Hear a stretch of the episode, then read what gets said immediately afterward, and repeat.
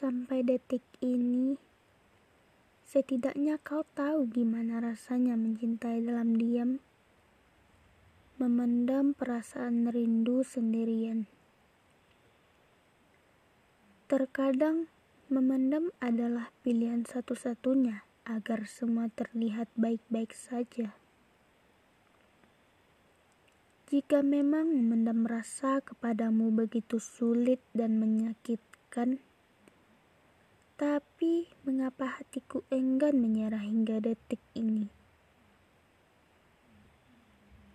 Hanya bisa menutup luka, menahan api cemburu, memendam rasa kecewa, karena mau marah pun aku sadar siapa aku.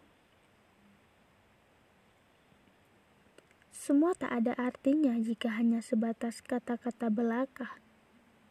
Semua tak akan ada hasilnya jika hanya sebatas memendam rasa. Untuk orang sepertiku yang hanya bisa memendam perasaan, cinta hanya bisa memberikan sebuah penderitaan. Aku lebih memilih memendam perasaan karena aku takut terluka tapi justru memendam yang membuat luka.